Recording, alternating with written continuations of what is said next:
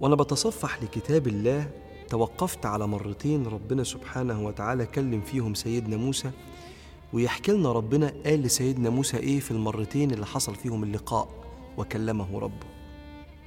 المرة الأولى سيدنا موسى هو وزوجته كانوا ماشيين في الطريق والدنيا ضلمت فتاهوا. وهم ماشيين قال لها طب إحنا مش شايفين حاجة؟ في نار ناس مولعة نار هناك. هروح أسألهم على الطريق أو أخد منهم حتة خشبة منورة كده نمشي بيها في ظلام الصحراء. إذ قال لأهلهم كثوا إني آنست نارا لعلي آتيكم منها بقبس أو أجد على النار هدى. لما أسألهم يدلونا فلما أتاها نودي يا موسى. المعنى اللي جه في بالي وأنا بفكر في الآية دي إن ممكن واحد زي حالاتي يكون تايه في الدنيا. ويكون آخر التوهانه في الدنيا دي إن ربنا يصطفيه لمقام عالي قوي. أو الواحد يكون حيران في أزمة ضخمة تحصل في حياته زي الضلمة اللي كان فيها سيدنا موسى. ما هو ممكن سيدنا موسى كان يبقى قاعد بيتعبد وبعدين يقابل ربنا. لكن كون إن هو يبقى تايه هو يعني أستغفر الله كلمة تايه لا تليق بسيدنا موسى يعني الدنيا ضلمة عليه وماشي هو ومراته كده فكون إن ده يحصل بعدها يصطفى نبيا وربنا يكلمه لازم تتأمل في المعنى ده وتفكر. وياما ناس حصلت لهم أزمات توهتهم في الدنيا وكانت هي الدافعة ليهم إن هم يكونوا من عباد الله الكبار. فلما أتاها نودي يا موسى إني أنا ربك فاخلع عليك إنك بالوادي المقدس طوى وأنا اخترتك. فاستمع لما يوحى. وأنا بقرأ الآية دي بيجي في بالي معنى واحد كبير قوي. كل واحد بيسمعني دلوقتي بيسمع وحي ربنا قرآن كل واحد بيحضر خطبة جمعة بيحضر درس دين بيحضر دورة تدريبية فيها تطوير لحاله اللي ربنا يحبه إنه يطور من نفسه. أي حاجة مفيدة أكن ربنا بيقول لك أنا اخترتك للخطبة للدرس للدورة التدريبية دي فاستمع لما يوحى. ركز وانت في الخطبة وانت في الدرس وانت بتسمع البرنامج الله هيكلمك عن طريق الشخص اللي بيتكلم أو الإنسان اللي بيوعظ أو الراجل اللي بيربي أو بي بيدرب. ربنا بيطور منك.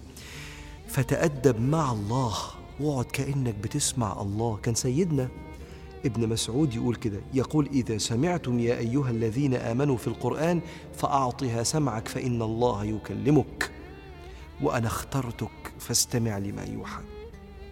العجيب إن الآية التانية اللي ربنا حكى لنا عليها لما سيدنا موسى راح يقابل ربنا عشان ربنا ينزل عليه الألواح فيها التوراة ربنا سبحانه وتعالى حكى لنا إن سيدنا موسى طلب يشوف ربنا أرني أنظر إليك. قال لن تراني. ولكن انظر إلى الجبل فإن استقر مكانه فسوف تراني. فلما تجلى ربه للجبل جعله دكا وخر موسى صعقا. فلما أفاق قال سبحانك تبت إليك وأنا أول المسلمين. قال يا موسى إني اصطفيتك على الناس. فاكر المرة الأولى لما قال له أنا اخترتك؟ اصطفيتك يعني اخترتك. إني اصطفيتك على الناس. تاني مرة يقول له أنا اخترتك فاسمع. إني اصطفيتك على الناس برسالاتي وبكلامي فخذ ما آتيتك وكن من الشاكرين. عارف معنى الكلام ده لينا إحنا إيه؟ لما ربنا يسمعك عنه يبقى بينده عليك. لما ربنا يسمعك عنه يبقى بيفتح قلبك ليه. لما ربنا يسمعك عنه يبقى اختارك عشان تكون من خواص عباده اللي قلبهم اتفتح لربنا فاهتدوا. بسم الله الرحمن الرحيم. فمن يرد الله أن يهديه يشرح صدره للإسلام. فكون إن أنت ربنا فتح قلبك إنك سمعت عن ربنا فخذ ما آتيتك وكن من الشاكرين. أشكر نعمة الهداية بالاستجابة. اسمع ربك يقول إيه؟ ولو أنهم فعلوا ما يوعظون به لكان خيرا لهم وأشد تثبيتا. واذا لآتيناهم من لدنا اجرا عظيما ولهديناهم صراطا مستقيما. الخلاصة.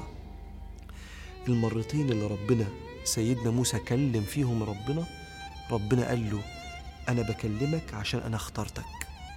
فاستمع لما يوحى والتاني قال له فخذ ما آتيتك وكن من الشاكرين. وأنت كمان كده لما ربنا يكلمك قول له شكرا إنك اتعاملت معايا وسمحت لقلبي إنه يعرفك ويستدل عليك. فاللهم اشرح صدورنا إذا ناديت علينا وخذ بأيدينا إليك إذا أوصلت كلامك إلينا.